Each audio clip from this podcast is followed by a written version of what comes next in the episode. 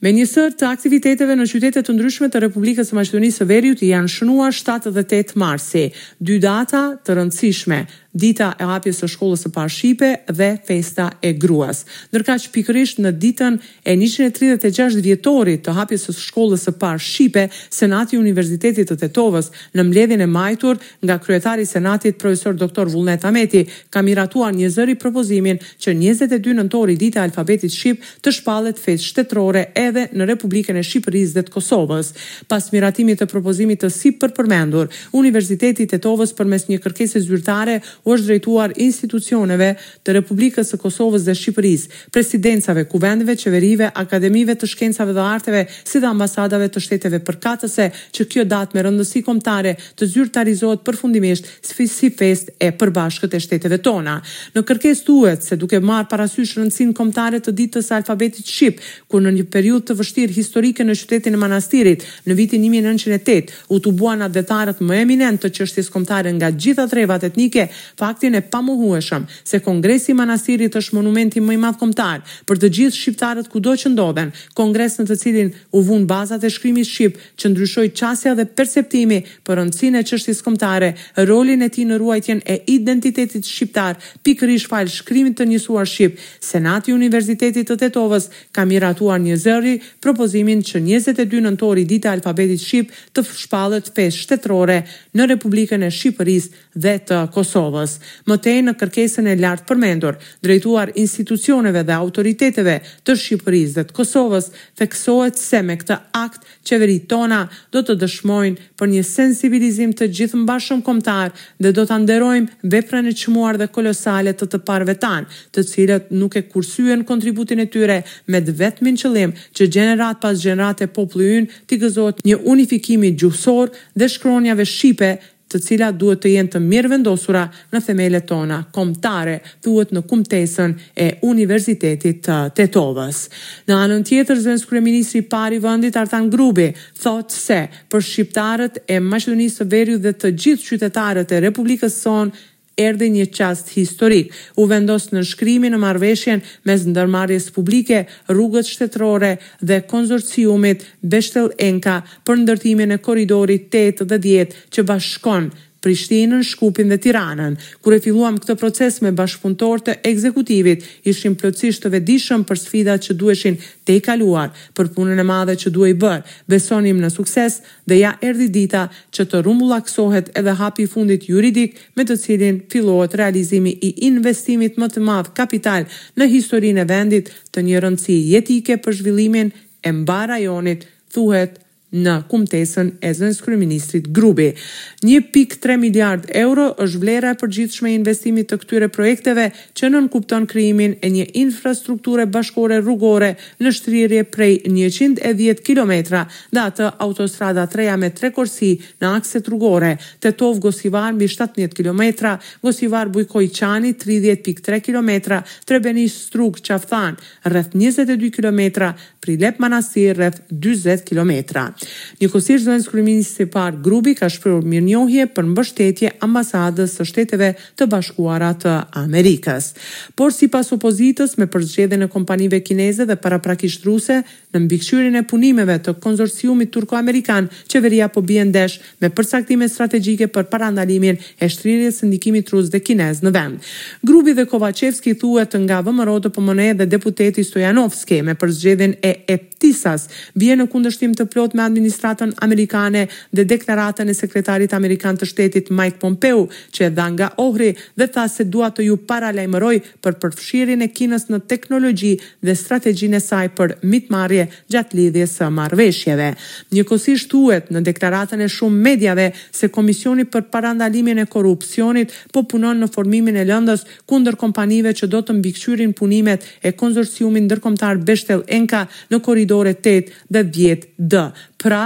ky projekt tani më është në llupën e antikorrupsionit dhe këtë e pohon edhe Nikollovska nga ky agjencion. Për më tepër ndjekim deklaratën e saj. Sapo ka filluar procedura, na duhet kohë më gjatë që t'i grumbullojmë të gjitha dëshmitë dhe dokumentet e nevojshme, Në disa raste kërkojmë edhe ndihmën e institucioneve tjera dhe kështu ndodh të na zvarritet procedura. Ndërkaq, për kryeministrin e vendit, Kovaçevski nuk ka asgjë të keqe nëse antikorrupsioni bën punën e vet për të parë se sa të pastra janë kompanitë të cilat kanë marrë përsipër punimet. Ndjekim deklaratën e tij.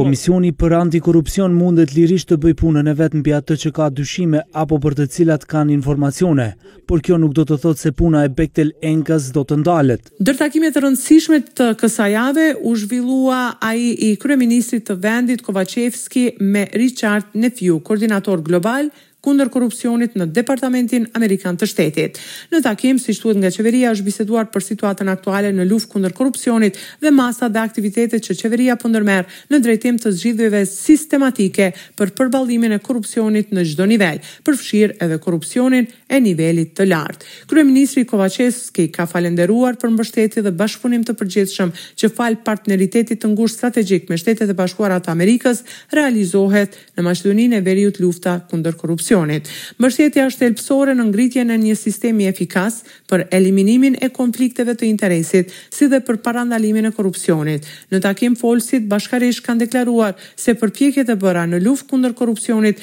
janë mjeti kryesor për ndërtimin e besimit të qytetarëve tek institucionet. Në këtë drejtim, ngritja e kapaciteteve në fushën e sundimit të ligjit dhe shtetit të së drejtës është me rëndësi kyçe dhe jetike.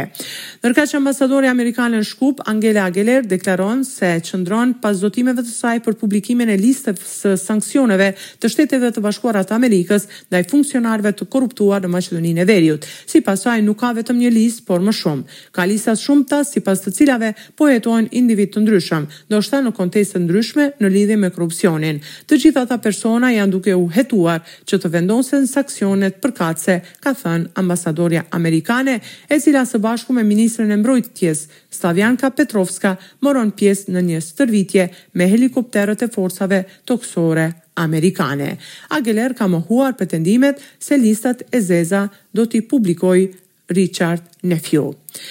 E në anën tjetër kanë vazhduar aktivitetet e grupit të zjarrit në terren. Tashmë po konkludohet pas hyrjes së Aleancës për Shqiptarët në Qeveri se grupi i zjarrit mund t'i bashkohet partisë Besa dhe Alternativa. Megjithatë, lidhur me këtë është shprehur kryetari i partisë Besa, Bilall Kasami,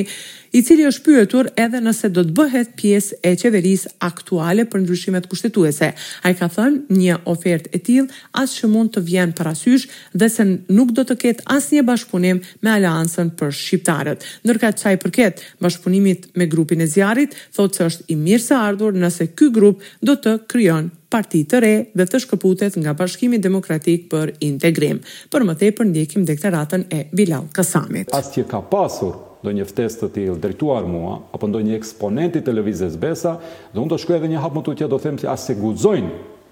të bëjnë një ftesë të tillë zyrtare drejtuar meje dhe eksponentëve tjerë nga shkaku që kjo qeveri le që e tradhtoi Lëvizjen Besa, por kjo qeveri tradhtoi votuesit shqiptarë, për ne do të ishte e mirëseardhur nëse ata përfundimisht vendosin që të shkëputen nga BDI, formojnë parti politike dhe ulemi bashkë bëjmë një koalicion të zgjeruar opozitar me ata, me Alternativën, me parti tjera. E pas shumë protestave dhe pakënaqësive, në Klinikën për Sëmundje të Fëmijëve ka mbërritur ilaçi Trikafta për dymbëdhjetë pacientë me fibrozë cistike. Dy pacientë janë në gjendje të rëndë shëndetësore në Klinikën e Pulmologjisë, ndërkaq mjekët thonë se terapia nuk dihet nëse do të ndihmojë në përmirësimin e gjendjes së tyre shëndetësore. Për dymbëdhjetë pacientë terapia është siguruar për një vit, ndërkaq e njëjta merret në bazë mujore në Klinikën e Fëmijëve në Shkup. Ministria e Shëndetësisë në bashkëpunim me institucionet kompetente zgjidhi çështjen më urgjente të kësaj kategorie të pacientëve dhe presim që përmes kësaj terapie të përmirësohet ndjeshëm cilësia e jetës së pacientëve me fibrozë cistike. Ministria e Shëndetësisë do të jetë gjithmonë e kujdesshme dhe në shërbim të qytetarëve, thuhet në kumtesën e dhënë nga ky institucion. Për radion SBS raporton nga Republika e Maqedonisë së Veriut, Besiana Mehmedi.